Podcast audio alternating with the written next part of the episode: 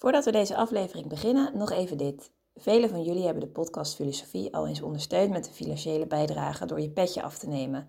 Daar zijn we super blij mee en daarmee draag je ook echt iets bij en maak je onze podcast mede mogelijk. Zo ook Boy en Jan die recentelijk hun petje af hebben genomen. Super veel dank daarvoor. En wil jij ook als trouwe luisteraar ons een steuntje in de rug geven en ervoor zorgen dat we nog lang door kunnen gaan? Kijk dan op petjeaf.com slash podcastfilosofie. Daar vind je alle info en bijdragen kan al vanaf 3 euro per maand. En het biedt ook leuke extra's op, zoals bijvoorbeeld toegang tot onze bonusafleveringen. Maar voor nu, veel plezier met deze aflevering. En ieder van ons schuilt in een panzer, dat de opgave heeft de tekenen af te weren. Tekenen geschieden onophoudelijk aan ons. Leven is aangesproken worden. We hoeven alleen maar aanwezig te zijn en waar te nemen. Maar dat waagstuk is ons te gevaarlijk. De geluidloze donderslagen schijnen ons steeds weer met vernietiging te bedreigen. En wij vervolmaken van geslacht op geslacht de afweerapparatuur. Op deze manier drukte de Duitse filosoof Martin Buber uit dat we als mens steeds aangesproken worden, maar er vaak voor kiezen om daar niet voor open te staan. Waarom schieten we volgens Buber snel van een ik-jij-relatie in een ik-het-relatie? En is dat altijd verkeerd? Wie of wat is de eeuwige jij? En waarom wordt hem moreel anarchisme verweten? Over deze vragen en nog veel meer gaan we het de komende drie kwartier hebben. Te gast is Peter Sas, de denker die centraal staat, Boeber.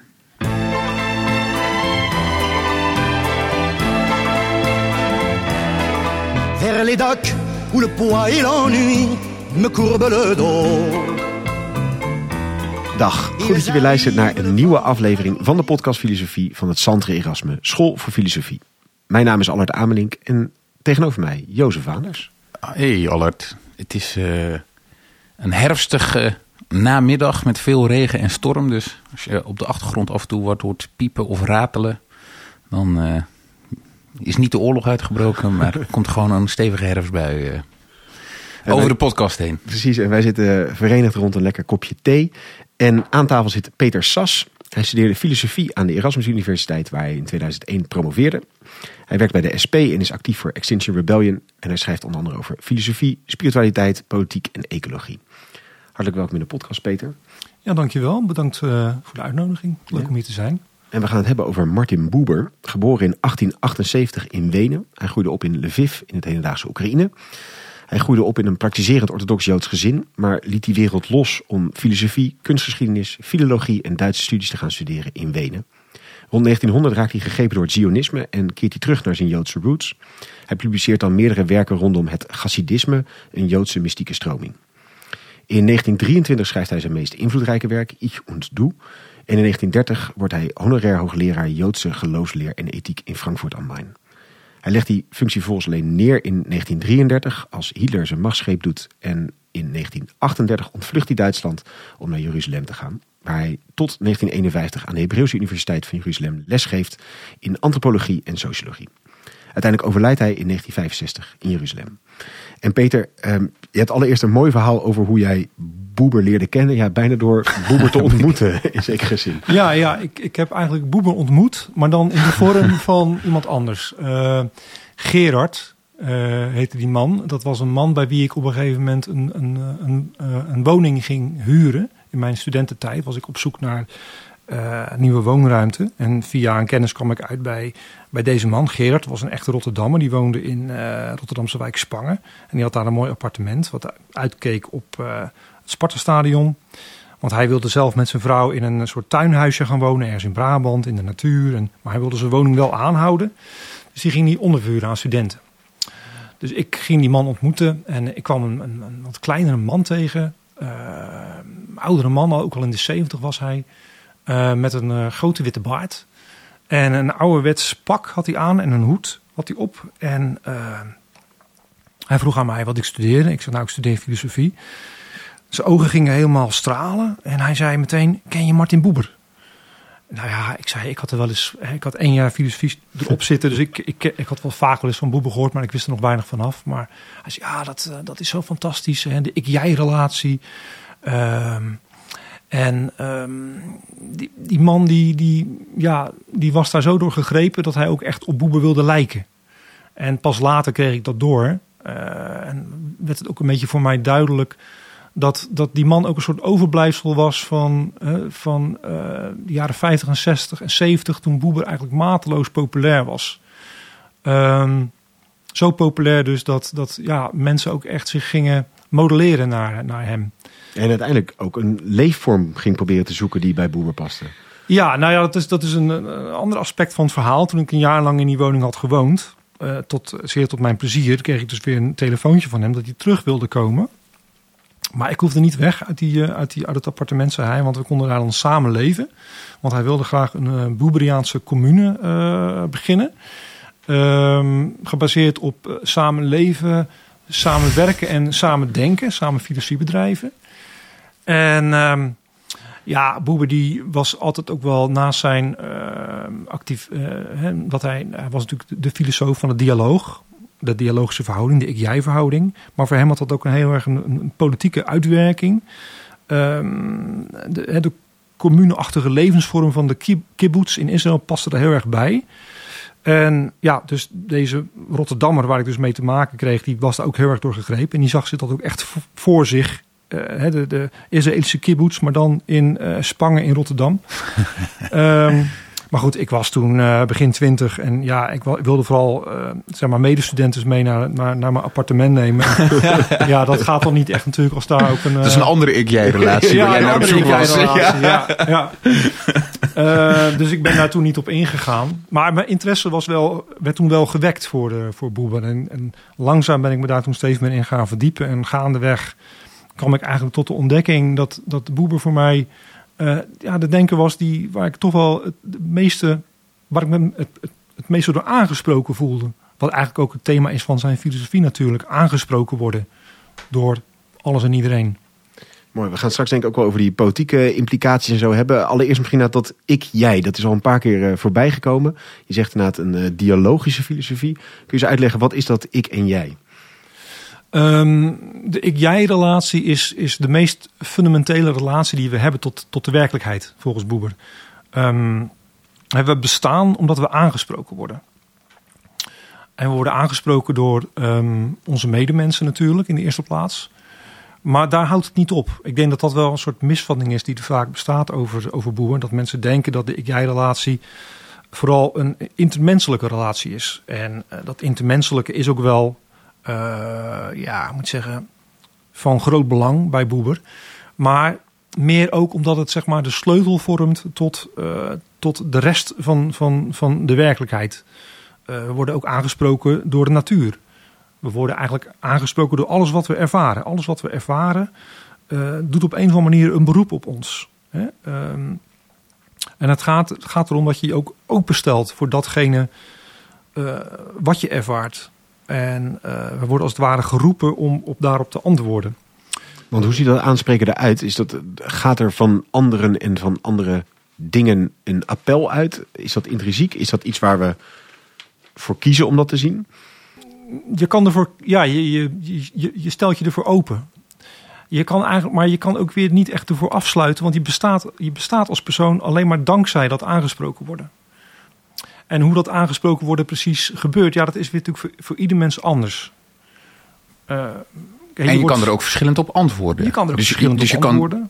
kan je niet afsluiten voor het aangesproken worden, maar je kan wel afwijzend of ja. verwelkomend ja. antwoorden, denk ik. Kijk, je, je kan het bijvoorbeeld illustreren aan de hand van, een, van, van muziek.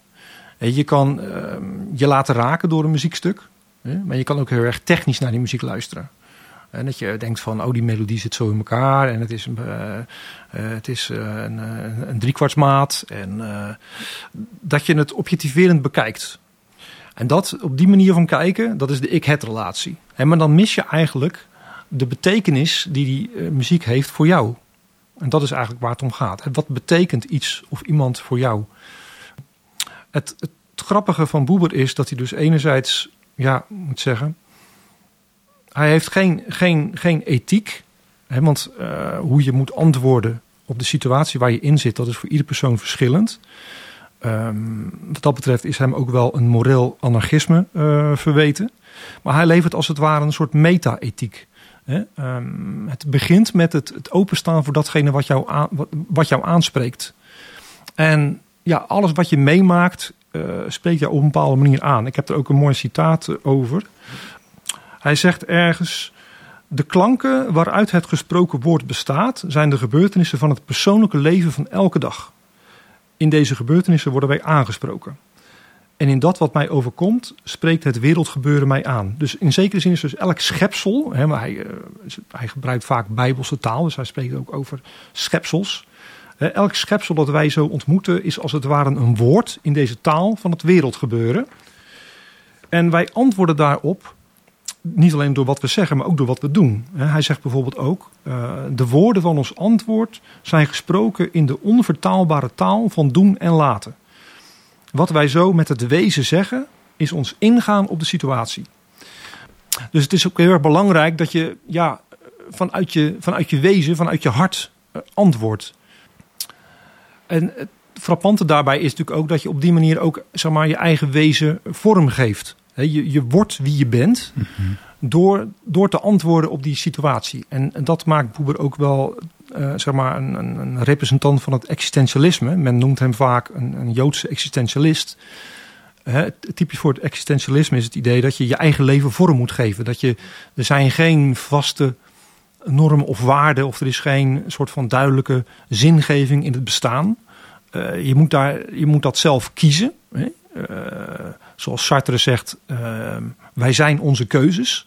Ja? Maar bij, bij, bij existentialisten als Sartre uh, is het een soort van, zijn het zinloze keuzes. Terwijl Boeber uh, zegt van inderdaad, wij, wij zijn onze keuzes, maar dat zijn keuzes die we maken in reactie op of in antwoord op datgene wat ons aanspreekt. En dat is uiteindelijk is dat mm -hmm. de werkelijkheid als geheel. je moet je als mens verhouden ja, tot de buitenwereld en tot het bestaan als zodanig. En uiteindelijk um, gaat het dan om het mysterie van het bestaan, het, het, het, het oermysterie. Waarom bestaat alles? Daar moet je op een of andere manier jezelf toe verhouden. En het antwoord wat je daarop geeft, dat definieert jou als persoon, zou je kunnen zeggen. En, en dat aanspreken, ik zit nog even te zoeken, wat is hetgene wat ons aanspreekt? Of wat, wat voor aanspreken is het? Of wat hoor je? Wat wordt er gezegd in het aanspreken? Ja, dat, dat, dat, is, dat is natuurlijk het, uh, het existentialistische eraan. Dat, dat moeten we zelf bepalen. En hij zegt ook ergens, uh, iets wordt ons te verstaan gegeven, maar het geeft ons niet het verstaan zelf. Dat verstaan, dat moeten we zelf doen. Hm. Huh? Ja, maar dan kan je dus niet kiezen wat tot je komt, maar je kan kiezen hoe je je daartoe verhoudt. Ja, maar je moet het ook zelf interpreteren. Ja. En dus de, de, de, de, de ander uh, spreekt je op een of andere manier aan. En dat kan heel concreet zijn, doordat iemand bijvoorbeeld je gewoon aanspreekt op straat. Of je raakt in gesprek met een, met een, uh, een collega. Of uh, uh, iemand heeft een probleem en legt dat aan jou voor. of je, je ziet dat het ja, helemaal misgaat met de natuur in Nederland. En je, je, je vindt je dat wordt je actief voor. Extinction ja, je Rebellion. Moet, ja, je wordt actief voor Extinction Ja. Rebellion. of je, je vindt bijvoorbeeld uh, uh, ja, een bepaald politiek onderwerp waar je je heel erg druk om maakt. of je voelt je ja, aangetrokken bijvoorbeeld tot, tot de muziek. dat je echt een soort van denkt van ja, ik, ik moet muziek maken. Weet je, wel, dat, dat, of zoals een kunstenaar bijvoorbeeld wordt aange, uh, aangesproken door zijn materiaal. En ik denk dat dat een heel goed voorbeeld is van een dialogische relatie. Hm. We hebben bijvoorbeeld een beeldhouwer. Een beeldhouwer die krijgt een stuk marmer voor zich. En daar, die, dat spreekt hem op een bepaalde manier aan. Hij wordt op, dat aanspreken heeft dus ook uh, ja, te maken met, met inspiratie. Hè? Iets inspireert jou. Vervolgens gaat die kunstenaar, die beeldhouwer, gaat dat, dat marmer bewerken. Uh, waardoor het een bepaalde vorm. Hij gaat er vormen inzien. Hij probeert die vorm eruit te halen. Uh, en dat, dat bewerkte stuk marmer heeft dan weer een nieuwe invloed op hem. Wat weer een nieuwe reactie van die kunstenaar uitlokt. En zo gaat dat heen en weer tussen zeg maar, het, het, het blok marmer en de kunstenaar. Dus dan zie je heel duidelijk dat er een soort dialoog ontstaat tussen de kunstenaar en zijn materiaal.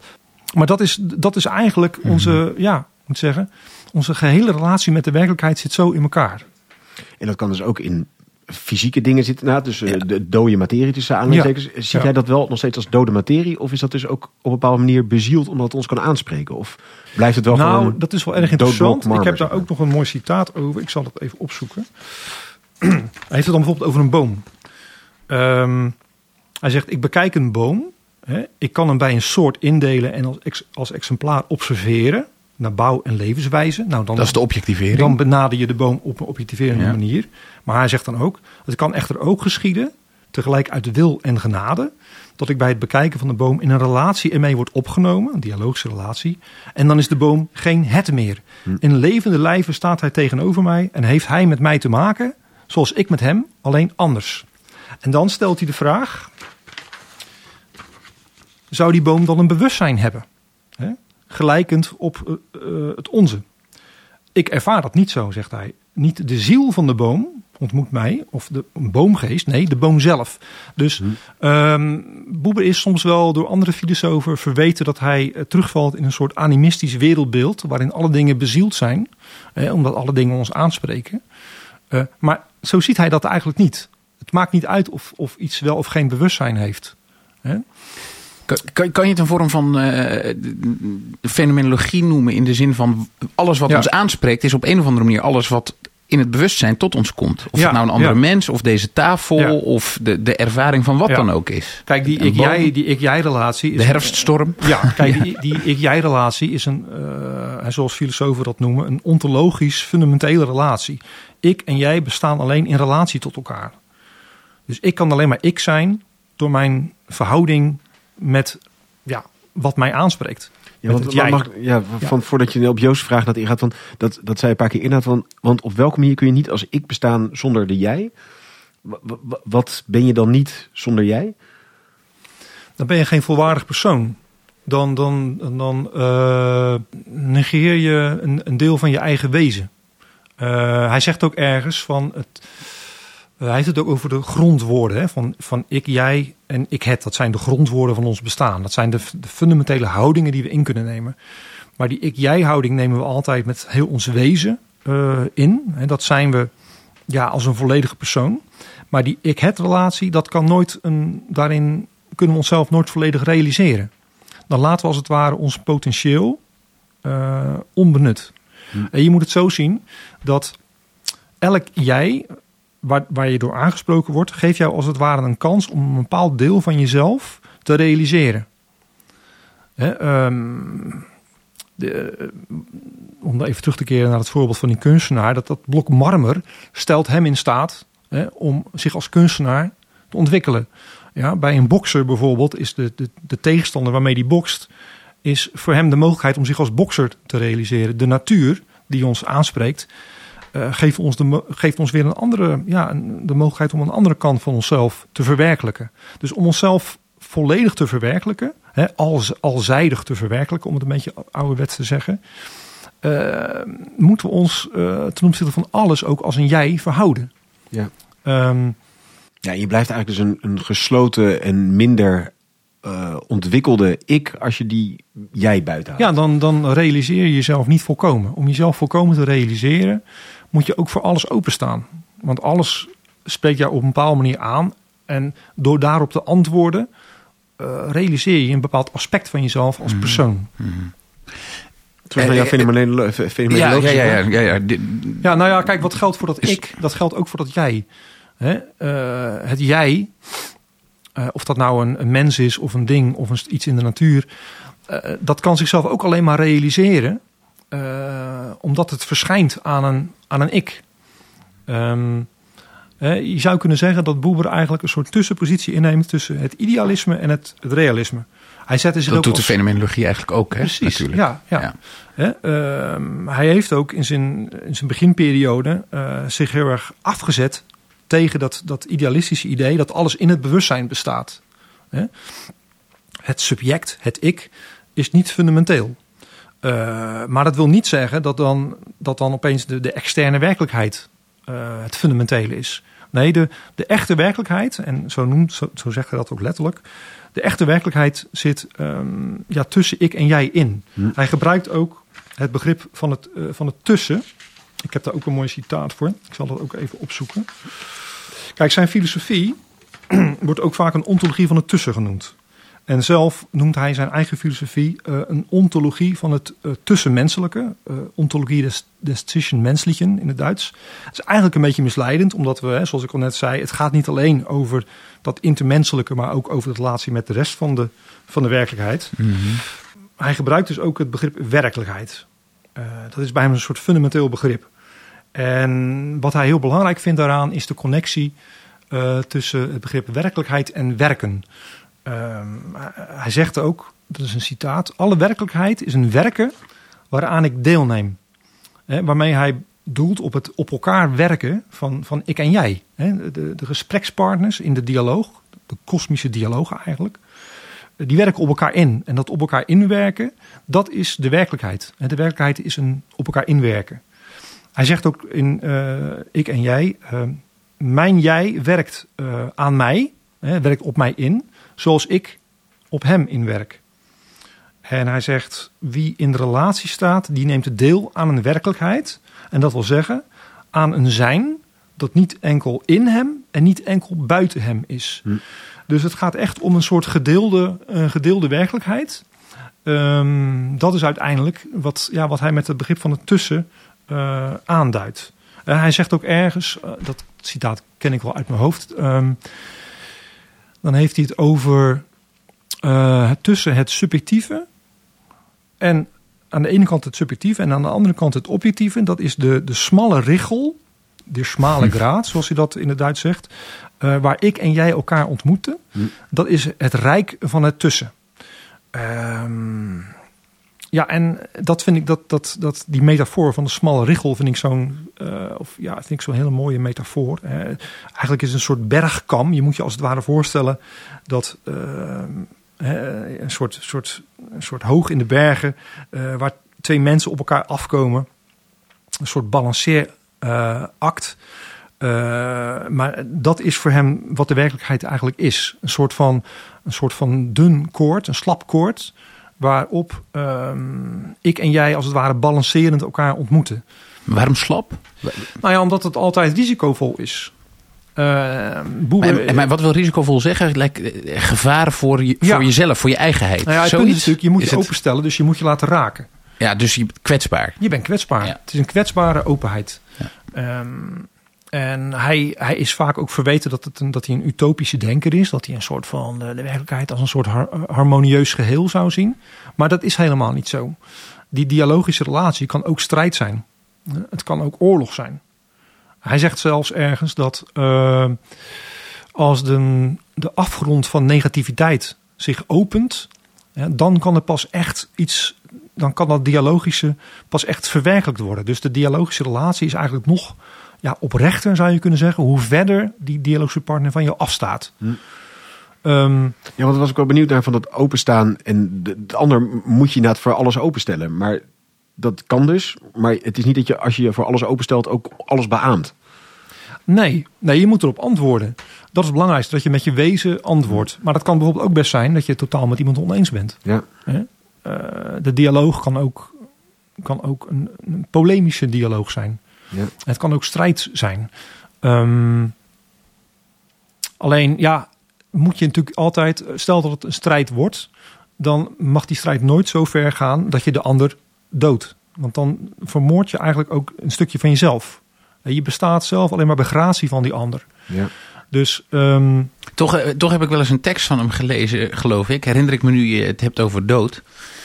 Waarin hij zegt dat eh, je op een manier vroeger meer liefdevol kon Ja. sterven op het slagveld. Dan, Ja. dan dat je in een verzorging staat, een blauwe envelop Ja. eh, met, je, met je maandelijkse toeslag ontvangt. dat- ja, dat, toch? Klopt dit of Nou, niet? dat, De- dat Opeens ging over de, over de oertijd. eh, Dat het inderdaad beter is om, of eh, het is oprechter inderdaad om in de strijd om het bestaan op die manier eh, met elkaar om te gaan.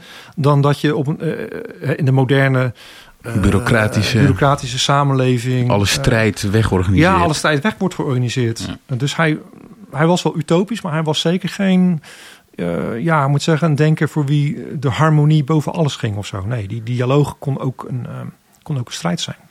En je zei al een beetje eh, eh, eerder in een bijzin, daar zijn we toen even langs gegaan. ehm, van, hè, je kunt je laten aanspreken door medemensen, door objecten, door natuur. Eh, maar uiteindelijk eh, raakt dat aan een groter ander, een mystiek ander, een mystieke jij. Ja, dat is een belangrijk begrip in zijn, zijn denken. Dat is het, het, eeuwige jij. En dat vervult verschillende rollen, eh, verschillende functies in zijn, in zijn denken. Dat is een heel gelaagd eh, begrip. Eh, enerzijds is dat zeg maar, zijn term voor, voor God. Hij is natuurlijk een Jood. Een gelovige Jood ook. Al is hij nooit orthodox, orthodoxe Jood geweest. Eh, maar hij is heel vrijzinnig eigenlijk daarin. Het gaat hem wat dat betreft om het soort het, het oermysterie, hè, wat aan alles ten grondslag ligt. Als je denkt bijvoorbeeld aan die vraag van Leibniz, waarom is er iets en niet niets? Nou ja, datgene waardoor alles bestaat, dat is het oermysterie. En je moet je als mens op een of andere manier daarop, daartoe verhouden. En dat noemt Boeber het, het, ja, het ultieme jij, het eeuwige jij. Eigenlijk die vraag eigenlijk is bijna het eeuwige Ja, jij. ja. Of, of de, de, de we- de wereld achter die vraag. Ja, het is een soort, je krijgt een vraag als het ware, als, me, als, je, als je als mens leeft, dan krijg je onherroepelijk, komt de vraag bij op, ja, waarom wat ben ik er eigenlijk? Waarom bestaat alles eigenlijk? Nou, dat is dat fundamentele aangesproken worden door het mysterie van het bestaan. En dat is wat hij het, het, het eeuwige jij noemt.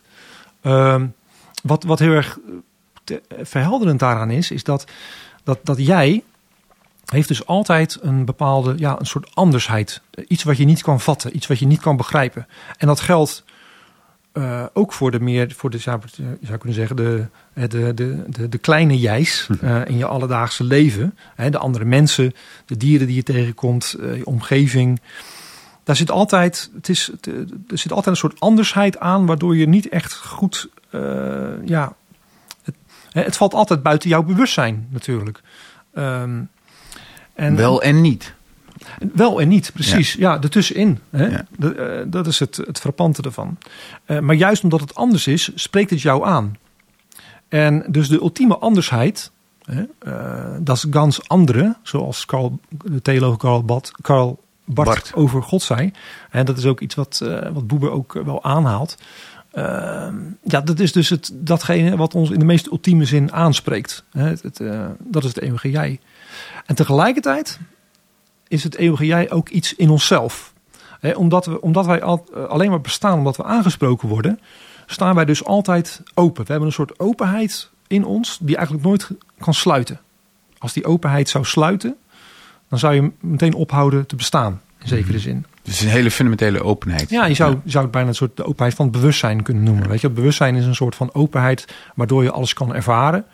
Eh, en je zou kunnen zeggen dat die, die, die openheid in onszelf, die niet dicht kan, dat correleert met dat eeuwige jij. Dat is als het ware onze, ehm, ons openstaan voor het mysterie van het bestaan. Ja, en, daar, en daarmee verhoud je dus ook altijd onontkoombaar, voortdurend tot het andere.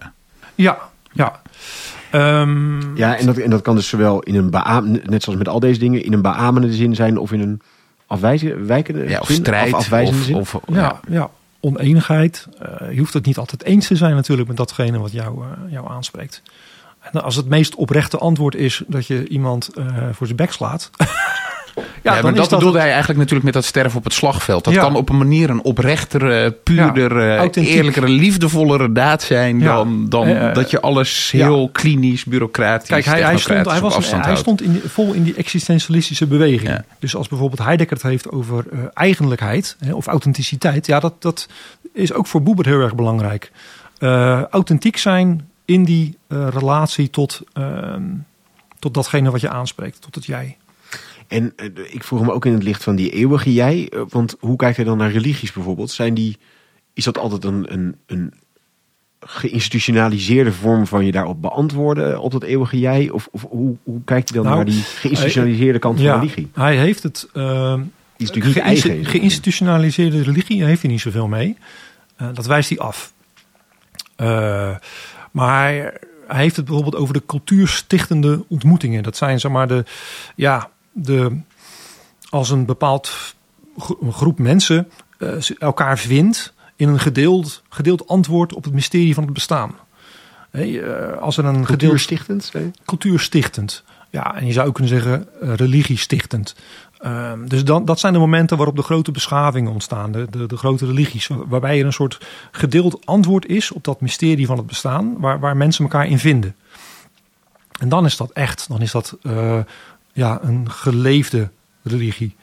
Um, en elke religie, in, elke religie in, in zijn meest authentieke vorm is een, een soort van ja, geleefde, uh, geleefd antwoord op dat mysterie van het bestaan. En er is dus niet één juist antwoord. He, want hij, hem is vaak verweten dat hij een anarchist is. Ik noemde hem al een moreel anarchist. Maar ook een, hij is ook bijvoorbeeld een religieus anarchist genoemd. Uh, door uh, Gershom Scholem, de bekende Joodse Kabbalah-kenner. Die een soort haat-liefde verhouding had met Boeber. maar die verweet Boeber dus van ja, je bent eigenlijk een religieus anarchist. Omdat alle religies staan voor hem op, op gelijke voet. Elke religie uh, in, in, in de meest authentieke ervaring daarvan is een antwoord op dat oermysterie. En er is niet één juist antwoord. En persoonlijk vind ik dat juist heel erg aantrekkelijk aan, aan Boeber. Maar je zegt een authentieke religieuze ervaring. Wat zijn dan niet authentieke of inauthentieke? Nou ja, op een gegeven moment dan treedt er een soort automatisering op in, in een geloof. Of dan raakt het verbonden met, met, met macht. Weet je wel? Dan, wordt, dan wordt religie een, een middel om mensen te beheersen. Of het wordt een soort automatisme. Um, en dan, dan verandert de ik-jij verhouding in een ik-het verhouding. Hm. Um, ja, want dat was ook een vraag die ik nog had. Maar kijk, je hebt natuurlijk heel verschillende verhoudingen. Tot een andere mens, tot jij is een echt anders dan tot de wereld of iets in de wereld. Of het, het, het, het. Differentieert hij daar nog heel fundamenteel tussen? Of nou ja, is dat overkoepelend allemaal wel een soort van aangesproken worden? In, in, in den beginnen, om het maar even bijbels te zeggen, uh, is alles, uh, zeg maar, uh, bestaat in, aangespro in, in aangesproken. Ja, zowel door het als door jij. Nou nee, dat jij ontstaat, of sorry, het het ontstaat later. Hè. Primair is de werkelijkheid de ik-jij-werkelijkheid. Maar omdat daar op een gegeven moment een soort automatisering in optreedt, of een, een instrumentele houding. Je gaat, ehm, ja, kijk, wat bijvoorbeeld een goed voorbeeld is. Wat niet trouwens van mijzelf is, ook niet van Boeber, maar van de socioloog Hartmut Rosa. Uh, die heeft het over resonantie.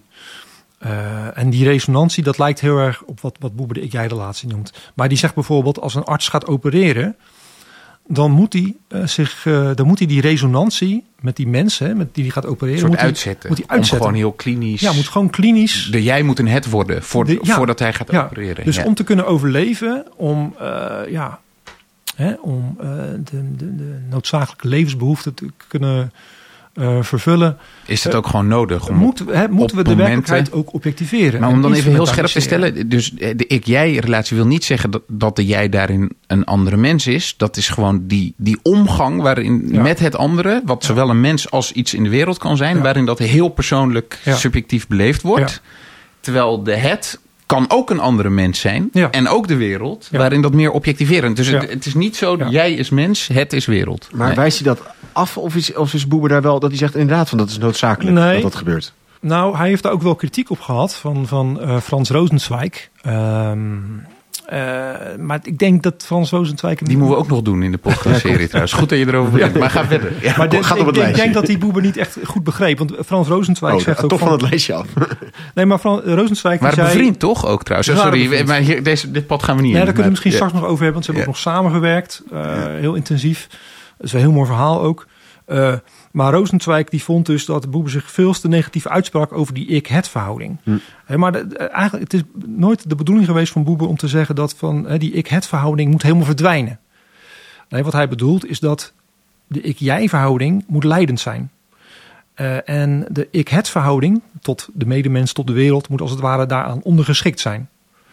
Tegenwoordig zouden we zeggen, de economie uh, moet het leven dienen. Mm-hmm. we, we leven niet om, om, om, uh, om de economie te dienen. Nee, de economie is er voor ons.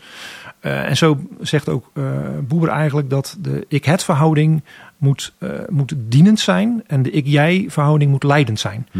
En zodra die, ja, moet zeggen, die verhouding wordt omgekeerd, dan gaat het fout. Dan verdwijnt de ik-jij verhouding uit, uit ons leven. En dat is zoals hij de moderne maatschappij ziet. Heel veel van die uh, sociologen, zoals Marx, Simmel, Durkheim, die, die hebben het over vervreemding. als een, een, een, een, eh, belangrijk aspect van de, van de moderne samenleving, de moderne maatschappij. En eh, Boeber zit ook een beetje in die traditie. Hè? Hij ziet die, die ik-het verhouding ziet hij om zich heen grijpen. Alles wordt steeds meer aan, het, aan de markt overgelaten. Alles wordt aan de bureaucratie overgelaten. Mensen hoeven elkaar niet meer echt te ontmoeten. Ehm, die ik-jij verhouding, ja, die, die komt op het. Die, hij zegt ergens van die ik-jij verhouding gaat ondergronds in de moderne maatschappij. En je hebt in de sociologie heb je het uh, tegenstelling tussen gemeinschaft en Gesellschaft. Wat je zou kunnen vertalen als uh, samenleving en maatschappij. En samenleven is iets heel persoonlijks. Um, en Boeber zegt ook van samenleven doe je met elkaar en niet einander. Maar de maatschappij, de moderne maatschappij, ja, daar hoef je niet meer echt samen te leven. Daar leef je uh, naast elkaar, uh, nebeneinander. En dan gaat het fout.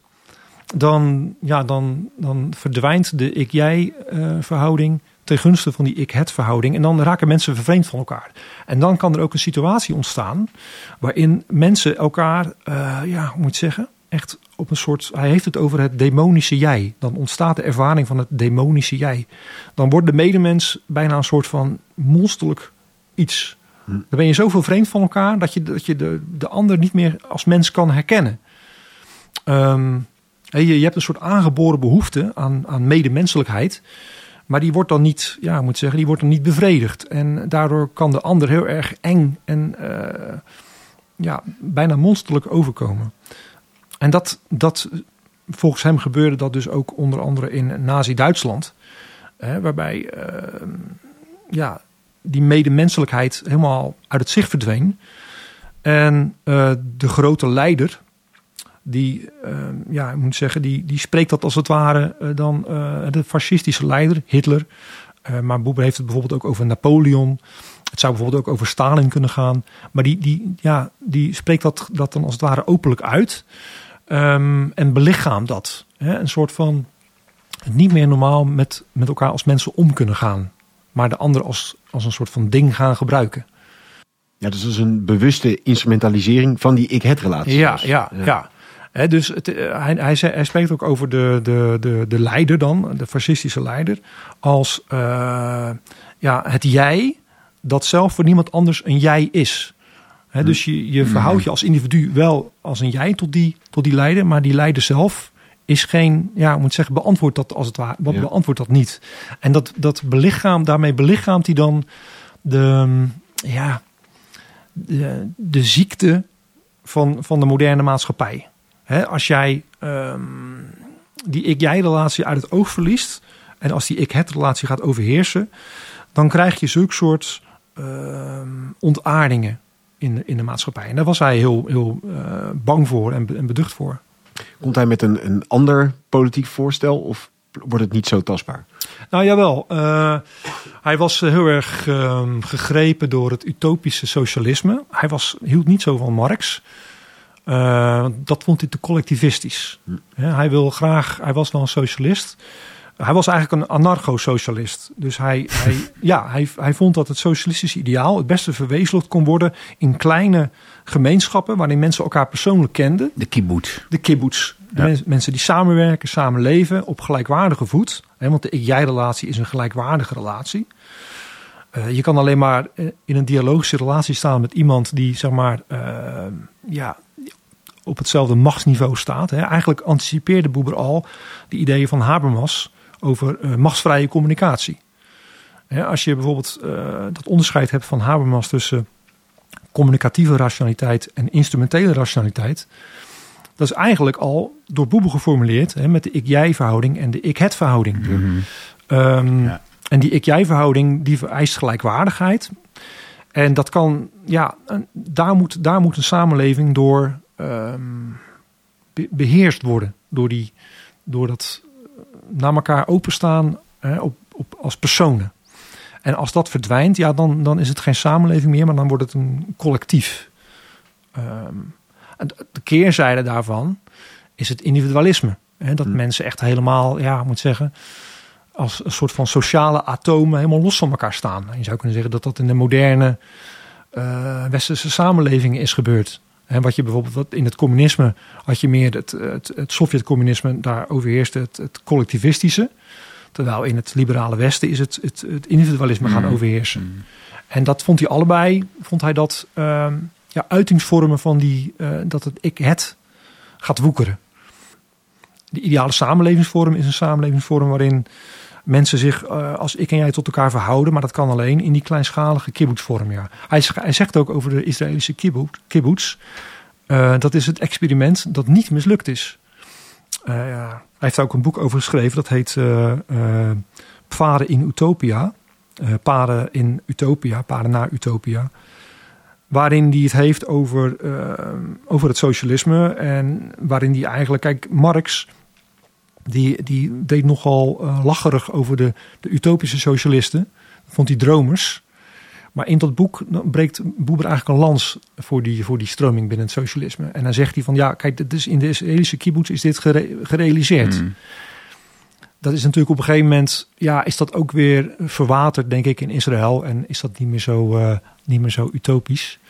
Ehm, ik denk dat dat een van de dingen is ja, waar, waar hij eh, gedesillusioneerd is geraakt in, eh, in Israël. Ja, nou, daar ben ik nieuwsgierig naar, ook in het licht van de actualiteit natuurlijk. Want eh, hij vluchtte voor 38, hè, zei je toch, naar Israël? 1938. 38. En hij heeft daar ook dus eigenlijk de hele geschiedenis van eh, de geboorte en de ontwikkeling van de staat Israël meegemaakt. Want hij sterft pas in 67. 65. 65. Dus Ja. 68 heeft hij niet meer meegemaakt, maar wel 48. Die hele het conflict met de Palestijn. Hoe, hoe stond hij in.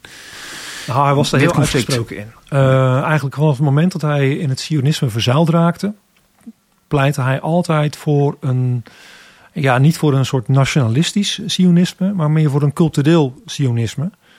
Ehm, en hij waarschuwde al heel, in een heel vroeg stadium dat als het Sionisme eh, gewoon een zoveelste vorm van nationalisme wordt, ja, dan gaat dat dan mislukt het. Want wat, Eh. wat zou een cultureel zionisme dan zijn? Nou, cultureel sionisme is meer een. ehm, waarin de, de Joodse religie en de Joodse cultuur ehm, een soort wedergeboorte eh, doormaken. Dat is eigenlijk wat hij, wat hij bedoelde met sionisme. Eh, De positie van de Joden was natuurlijk door de, door de diaspora en door hun assimilatie in, in verschillende landen eh, heel, ja, moet zeggen, eh, heel moeilijk geworden. Enerzijds werden ze constant bedreigd met pogroms. Anderzijds, als ze zich gingen assimileren aan, de, aan, aan bijvoorbeeld aan de Duitse cultuur of een, welke cultuur dan ook, dan, dan, dan verloren ze iets van hun eigenheid. Dus de, de, de Jood was een, zijn, ja, het contact met zijn Joodse ziel kwijtgeraakt. En voor Boeber ging het Sionisme er in de eerste plaats om, om als het ware die Joodse ziel weer te hervinden. Hm. En opnieuw uit te vinden eigenlijk. En daarvoor moesten, ze, ja, moesten de Joden terugkeren naar hun Joodse wortels. Naar de beleving van de Joodse religie. Ehm, en in dat kader is Boeber zich ook gaan bezighouden met dat, met dat Chassidisme. Ehm, wat een, een ja, soort Joodse pietistische stroming was die in eh, begin 18e eeuw ontstond in, in Oost-Europa. Je kan het een beetje vergelijken met de Pinkstergemeente. eh, hè, waarin het heel erg gaat om de beleving van de relatie tot God. Maar ook in relatie tot, tot je medemens en tot de schepping. Met eh, veel zingen en dansen en ehm, mystieke vervoering. En daar was, eh, daar was Boeber ook zeer door gegrepen. Maar hij, hij, hij dacht dus dat, dat het, het, het Chassidisme eh, daaraan kon bijdragen. Aan de, de wederopleving van, van, van, van het Jodendom. En dat was wat het Sionisme voor hem in de eerste plaats was. Hij ging vervolgens samenwerken met Theodor Herzl, die, de, de leidsman van het Sionisme. Maar daar raakte hij al heel snel mee in conflict. Want Theodor Herzl die wilde echt. Die had een soort nationalistische vorm van het Sionisme voor ogen. Waarbij het echt ging om het stichten van een land.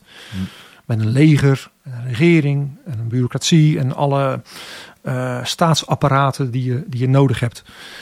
En, en Boeber vond dat ja, als het Sionisme alleen maar daarom ging, dan, dan zou het mislukken.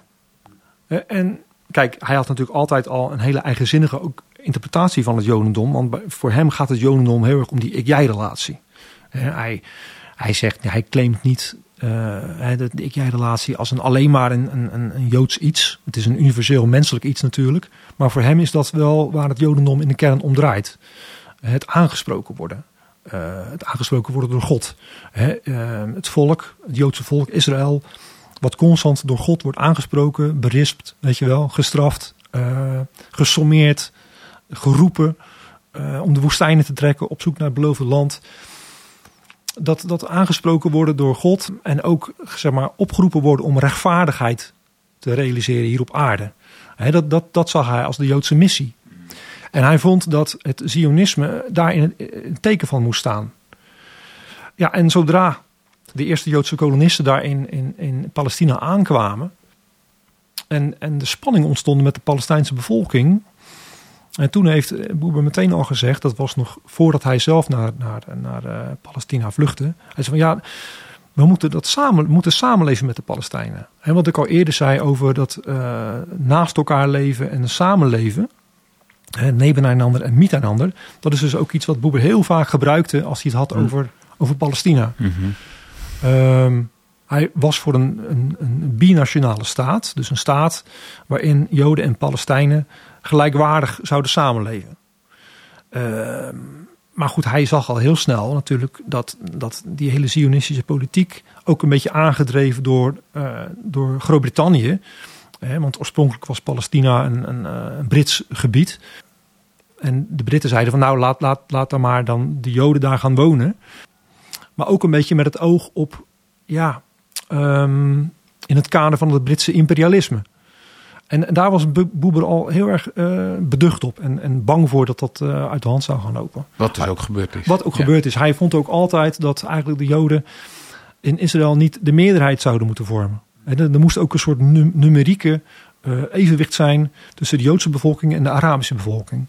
Volgens mij, als je, als je op dit moment kijkt, trouwens, eh, demografisch in aantallen naar de Palestijnse en de Joodse bevolking, is dat min of meer precies gelijk. Niet in machtsverhouding, maar ze zitten geloof ik echt allebei op 7 en een half miljoen om en nabij. Trouwens, moet nu even aan denken. Verder niet relevant, maar nee, ja, goed. En hij vond, voor iets anders relevant. Hij vond het vreselijk dat dat op een gegeven moment uit de hand liep. En het ging natuurlijk over en weer. Ja. Uh, er, er, waren Arabische terroristen, maar er waren bijvoorbeeld ook in het begin waren er ook Joodse terroristen.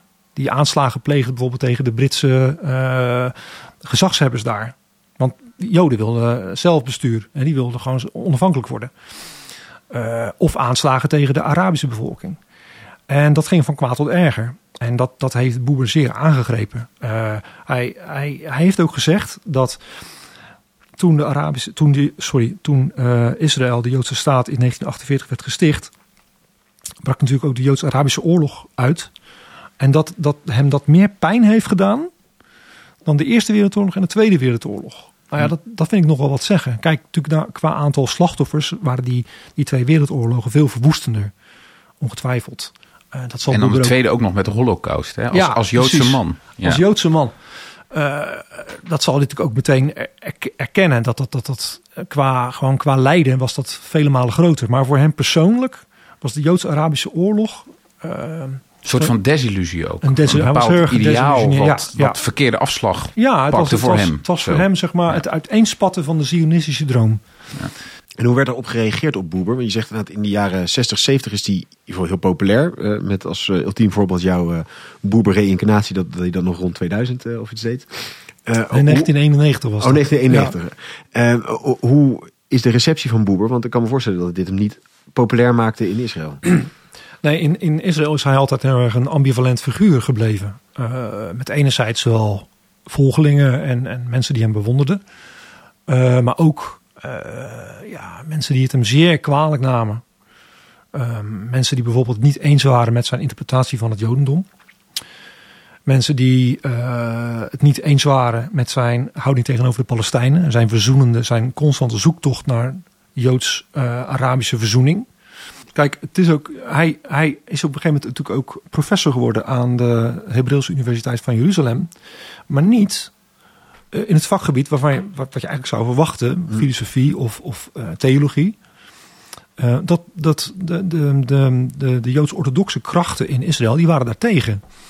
He, die vonden dat Boeber mocht absoluut geen professor worden op het gebied van filosofie en theologie. Want hmm. daarvoor waren ze het gewoon te veel met hem oneens. Was hij te controversieel. Dus kreeg hij een positie waar hij eigenlijk uh, ja, zich niet zo thuis voelde. En hij vond dat zelf heel erg jammer.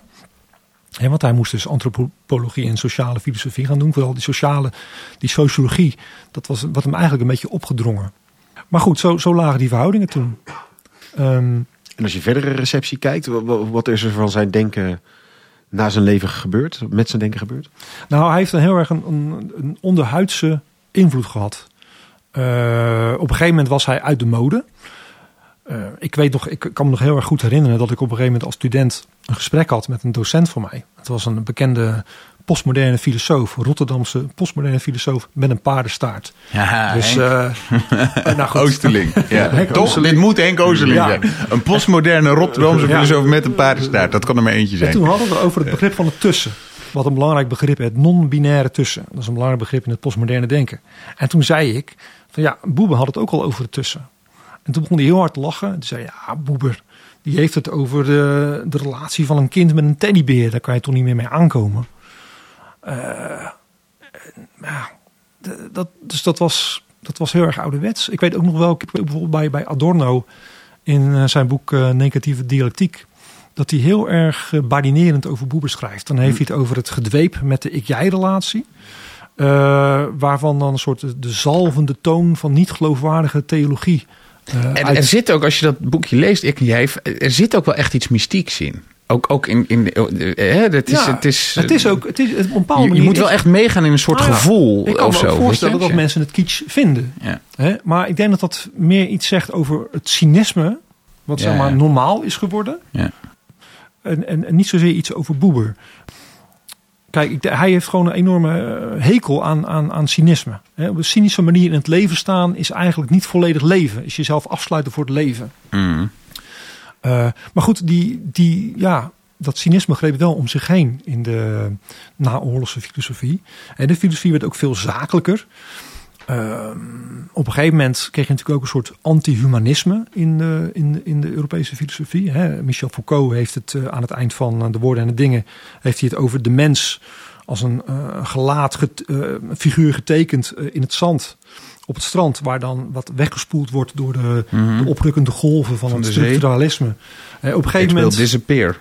Ja, Ja. hè, de, de, de, de, de mens moest gedeconstrueerd worden. De mens moest gezien worden als een effect van maatschappelijke krachten of een effect van de taal. Of eh, een, ja, verschijning van eh, zeg, eh, dat, iets wat een, een soort van marionet van het onbewuste in de psychoanalyse. Dus die, die, die mens die kwam een beetje in het verdomhoekje. Dus Boeber verloor wat dat betreft ook aan populariteit. Maar je ziet wel dat zijn dialogische filosofie wel onderhuids heeft doorgewerkt bij bepaalde denkers. Kijk bijvoorbeeld Levinas, de filosofie van Levinas, die is wel direct door Boeber geïnspireerd. Levinas was ook wel erg kritisch op Boeber. Eh, maar dat was wel een belangrijke inspiratiebron. Maar als je bijvoorbeeld kijkt naar, ik heb er ook eh, nog wat aantekeningen over. Er is, ja, er is een soort opsomming eigenlijk van hoe hij doorgewerkt heeft in de latere filosofie. Eh, bijvoorbeeld Merleau-Ponty, die spreekt over de relatie tot de wereld als een ontmoeting tussen buiten en binnen. Nou ja, hè, ontmoeting, dialogische relatie. De- de Boeber heeft het tussen, Ook vaak, ja, ja. precies. Dan klinkt daar heel erg duidelijk Boeber in door. En bijvoorbeeld Habermas, nou, dat heb ik al gezegd, hè, die, eh, het onderscheid tussen communicatieve Ja. en instrumentele rationaliteit. Daar klinkt zeg maar Boebers onderscheid van ik, jij en ik, ik het in door. Nou, de hermeneutische filosoof Gadamer, die heeft op een gegeven moment ook in zijn hermeneutiek een dialogische wending. En dan heeft hij het over het gesprek dat wij zijn. Nou, dat is ook echt Boeber, vind ik. Ehm, even kijken hoor. Hannah Arendt, hè, die heeft het over de publieke ruimte. Waarin mensen aan elkaar moeten verschijnen. nou, dat, dat vind ik een erg Boeberiaans thema. Eh, een meer hedendaagse filosoof, waar Boeber heel erg duidelijk in zit, is Peter Sloterdijk. Eh, Peter Sloterdijk heeft het ook vaak over het, het tussen. Hè, het is ook een citaat van hem uit eh, zijn boek Sferen. Daarin zegt hij over individuen, dat individuen zijn alleen maar polen van een dynamisch tussen. Hè, dus het individuen bestaan alleen in relatie tot elkaar. En het is die relatie tussen, hè, tussen mensen die bepalend is voor wat zij zijn. Nou. Ja. Ja. En dan heb je nog Hartmut Rosa, die ik al genoemd heb. Hè. Die heeft het over resonantie. En dat is ja, een, ook een soort dialogische relatie. En Rosa die, die eh, beroept zich ook op, eh, op Boeber. Ehm, hè, Rosa heeft dan onderscheid tussen resonantie en vervreemding. Hè, resonantie is inderdaad een relatie waarin je geraakt wordt of, of aangesproken wordt. door je omgeving. En vervreemding is juist jezelf afsluiten daarvoor. Nou ja, dat is heel erg Boeberiaans. Dus ik vind hem wel een, uh, een filosoof die uh, uh, toch wel een flinke doorwerking heeft gehad in, in de latere filosofie. Nou, dankjewel. Ik sowieso een lijstje om terug te luisteren natuurlijk. Want op Sloterdijk en Rosana hebben daar allemaal afleveringen over gemaakt. Dus luister die vooral terug en ontdek het Boeberiaanse in, in alle afleveringen zou ik zeggen. Dankjewel Peter. We hebben het gehad over Martin Boeber. En ja, daarin staat centraal de ik-jij-relatie. Dat is een, een ontologisch iets, iets wat het, het bestaan, de, de, de, grondslag van het bestaan is. We bestaan omdat we aangesproken worden. Dat is zowel iets intermenselijks als ook dat we door allerlei andere dingen worden aangesproken. Door de natuur, door objecten, door eigenlijk dus alles wat we ervaren. Het is de sleutel tot de werkelijkheid. En de vraag telkens daarbij is, hoe reageer je op dat aangesproken worden? Is dat uh, technisch of objectiverend? Of laat je je raken en sta je daarvoor open? En daarmee zie je bij Boeber een onderscheid tussen de ik-jij-relatie die primair is... en de mogelijkheid om eigenlijk daar een ik-het-relatie van te maken. Um, Boeber heeft geen ethiek. Het is niet dat hij voorschrijft hoe je moet reageren... maar hij geeft eigenlijk een soort meta-ethiek. Het is een moreel anarchisme in de zin dat hij zegt... niet zegt zo en zo moet je dat doen... maar een meta-ethiek van hoe de menselijke uh, werkelijkheid in elkaar steekt. Je wordt uh, uh, wie je bent door te antwoorden. Het is daarmee ook een hele existentialistische filosofie. Die, die slacht heeft het. Uh, want in je reactie kun je zelf je leven vormgeven. Maar niet dus iets wat uit een vacuüm ontstaat. Maar nee, altijd in reactie op een aangesproken worden. En ja, hoe je dat verstaan moet doen, dat moet je zelf doen. Je moet zelf interpreteren. Wat is nou dat aanspreken? Nou, dat is, kan letterlijk zijn door een ander die iets tegen je zegt. Het kan zijn dat je in ander zijn gedrag ziet of iets aan de ander ziet waardoor je aangesproken wordt. Maar het kan ook breder zijn. Het kan bijvoorbeeld om natuur om je heen zijn. En Peter gaf een uh, mooi voorbeeld van een kunstenaar en zijn materiaal. Het marmer wat je inspireert, wat je uh, aanspreekt, wat je ja, uitnodigt om iets te gaan doen. En met dat je werkt, dus eigenlijk antwoordt met naar dat marmer toe, gaat het marmer weer iets nieuws tegen jou zeggen. En zo komt eigenlijk echt een relatie tot stand met dat materiaal. Is dat materiaal dan op een bepaalde manier bezield of zo? Spreekt dat letterlijk in die zin tot je? Nou nee, zegt uh, Boeber, het is niet een soort uh, spiritisme of animisme. Um, bijvoorbeeld een boom heeft hij het over. Zeg je, je kunt boom objectiverend tegemoet treden. Het categoriseren, het als een het benaderen, een ik-het relatie. Uh, en je kan het ja, je meer laten toespreken, het je laten raken. Een ik-jij-relatie aangaan met die boom. Heeft die boom dan bewustzijn? Nee. Het is niet de ziel van de boom die er doorheen spreekt of een boomgeest. Het is de boom zelf die iets tot jou zegt. Zoals gezegd, het is ontologisch. Het is eigenlijk een van de grondslagen van ons bestaan, het grondwoord van het bestaan. En um, het vormt je namelijk als mens. Het geeft je de mogelijkheid om ja, meer jezelf te worden. Elk jij geeft je de kans om je meer te realiseren. Dat kan de kunstenaar en het marmer zijn, dat doet iets met de kunstenaar, die kan zich meer vormen. Maar de bokser kan meer bokser worden met een andere bokser. En de natuur kan je aanspreken en weer onverwachte nieuwe kanten van jezelf laten ontstaan. En eigenlijk het ik-het benaderen van dus stemmen om je heen is daarmee ook een onontsloten potentieel. Daarmee zit Boeber eigenlijk een beetje een soort tussen idealisme en realisme in. Ja, er is een werkelijkheid buiten je. En ja, de werkelijkheid binnen je is ook belangrijk. En ja, de echte ontologie is dus daartussenin. De echte werkelijkheid zit tussen het ik en jij in. Daarmee wordt het ook wel de ontologie van het tussen genoemd. Er is een relatie tussen werkelijkheid en werken. Dingen werken op elkaar in en in die inwerking is de werkelijkheid. En dat is dus een gedeelde werkelijkheid. Die is niet volledig in mezelf, niet volledig in de ander. Het is eigenlijk ja, op de smalle richel tussen objectiviteit en subjectiviteit. Daar is het rijk van het tussen. Dat is wel risicovol. Het is niet een soort uh, utopische droom waarin dat allemaal heel gezellig en fijn is. Um, want je moet je ook laten raken. En dat is ook een vorm van kwetsbaarheid. En daarnaast is het ook niet dat je door alles openstaan en alles laten raken ook op alles ja zegt. Nee, je moet ook, kunt ook nee zijn. Het kan ook een strijd zijn. Het antwoorden kan dus ook een afwijzing zijn. Een dialoog kan ook polemisch van aard zijn. En de strijd mag alleen nooit tot de dood leiden. Want ja, dood je dat, dan dood je dus eigenlijk ook een stuk van de potentie voor jezelf. Dan is er nog een ja, overstijgende jij, de eeuwige jij. Uh, een term die Boeber uh, voor God gebruikt, maar ook wat breder interpreteert.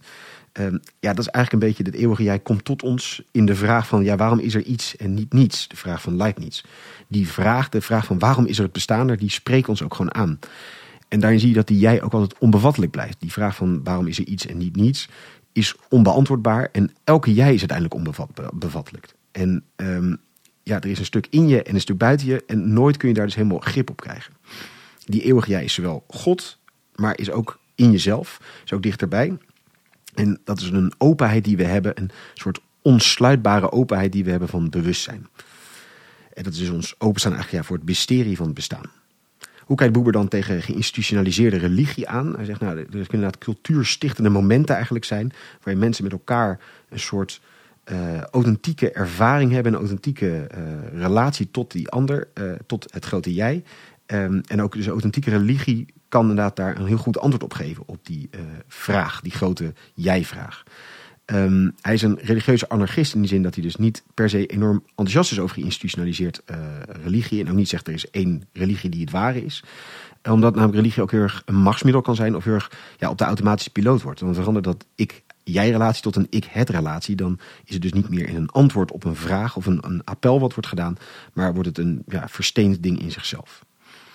Um, die ik-jij is primair, hebben we gezegd. Ik het ontstaat, kan vormgegeven worden. Is dat nou altijd slecht? Nou, daar is wat uh, discussie over. Uh, Boeber zegt nee, wordt daarin wel eens verkeerd begrepen. Uh, maar het ik-jij moet altijd leidend zijn. Het ik-het moet dienend zijn aan het ik-jij. Denk bijvoorbeeld aan een operatie, niet een voorbeeld van Boeber zelf. Maar ja, het is goed voor een chirurg dat hij niet een ik-jij-relatie heeft tot een patiënt die moet opereren. Het is goed dan dat dat een ik-het is, omdat het dat gewoon helpt in zijn chirurgschap wat zie je dan met ik-jij en in onze samenleving? Nou, we zien wel een grote mate van vervreemding. En daar zie je dat dat ik-het leidend wordt in plaats van dienend. Nou, dat komt onder andere door de toenemende kracht van de markt. Door bureaucratie kan het ontstaan. En ik-jij gaat dan eigenlijk een beetje ondergronds. En dan zie je het verschil tussen Duitse termen voor samenleven en maatschappij. En samenleven is met elkaar en de maatschappij is naast elkaar. En dan kan die jij zelfs tot een soort demonische jij worden. Omdat die uh, steeds onherkenbaarder wordt en steeds vijandiger je daar eigenlijk toe verhoudt. Ja, en daar is het ultieme voorbeeld van in Nazi-Duitsland, waar natuurlijk Boeber zelf de negatieve ervaringen van uh, heeft ervaren. Um, waarin uh, ja, de, de ander eigenlijk een, een demonische ander wordt. En uh, fascistische leiders zijn dan eigenlijk het ultieme jij waar je toe verhoudt, maar die zichzelf tot niets anders verhoudt. Hoe kijkt Boeber tegen de politiek aan? Uh, hij is eigenlijk een beetje een utopisch socialist, zou je kunnen zeggen. Hij is geen fan van Marx, meer een anarcho-socialist, zou je kunnen zeggen. Uh, omdat hij heel gelooft in die kleine gemeenschap. Daarin kan die ik-jij nog ontstaan. Voorkom je dat hij die collectiviteit krijgt die het communisme of het nazisme krijgt. Um, het andere risico alleen maar van te kleine gemeenschappen is dat het weer te veel individueel wordt. Nou, dat zou je misschien als goede kritiek op het Westen kunnen hebben. De kibbutz ziet hij daarom als een ultieme plek. Uh, daarin kun je in een kleine gemeenschap die ik-jij nog vormgeven. Hij zegt dat is echt een meest geslaagde experiment. Toch eindigt dat ook in een desillusie. Want dat brengt ons uit bij Israël-Palestina vraagstuk. En uh, hij is een bezield Zionist, maar vooral van een cultureel Zionisme, niet zozeer nationaal of nationalistisch Zionisme. Hij wil de Joodse religie en cultuur eigenlijk een soort wedergeboorte laten hebben na alle vervolgingen en assimilatie in de, in de jaren van de diaspora. En daarom is ook dat uh, Chassidisme heel enthousiast over, omdat het heel erg gaat over die relatie tot God, tot de mens, tot de omgeving, de mystieke kracht daarvan. Um, dat brengt hem in conflict met onder andere Theodor Herzl, de, de uh, leider van het Zionisme, uh, die veel meer die nationalistische route opgaat. En Boer ziet dan eigenlijk al gelijk van ja, dit gaat inderdaad mislukken. Um, hij blijft een positie innemen in dat, uh, ja, met echt in lijn met zijn filosofie. We moeten samenleven met Joden en Arabieren in, in het nieuwe land. We moeten met elkaar leven en niet naast elkaar. Maar goed, dat eh, binnen no time escaleert natuurlijk de situatie daar uh, na, rond de stichting van de staat Israël. En dat greep het erg aan. Hij blijft dan een beetje een ambivalent figuur door zijn houding ten opzichte van de Joodse religie, waar hij heel erg die jij-ik-relatie in ziet, uh, wat hem nou, op kritiek komt staan. En ook in zijn houding tot Palestijnen. Hij wordt daarna dus dan ook hoogleraar in Jeruzalem, maar dat dan niet op filosofie of theologie, omdat dat ja, tegengehouden wordt. Zijn invloed tot slot hadden we het over. Dat is een, een beetje een onderhuidse invloed. Adorno doet onder andere bijvoorbeeld heel badinerend over hem. Um, maar je ziet eigenlijk toch een hele lijst, uh, noemde Peter op, van allemaal filosofen die door hem beïnvloed zijn. Levinas, Merleau-Ponty, Habermas, Gadamer, Arendt, Sloterdijk en Rosa. Allemaal zie je daar allerlei invloeden van Boeber in. En uh, hopelijk hebben we met deze podcast recht kunnen doen. Dankjewel Peter voor een heel uh, inspirerend verhaal. Graag gedaan. Dankjewel Jozef. En jij natuurlijk heel hartelijk dank voor het luisteren. En heel graag weer tot de volgende keer. Emmenez-moi au bout de la terre, emmenez-moi au pays des merveilles. Il me semble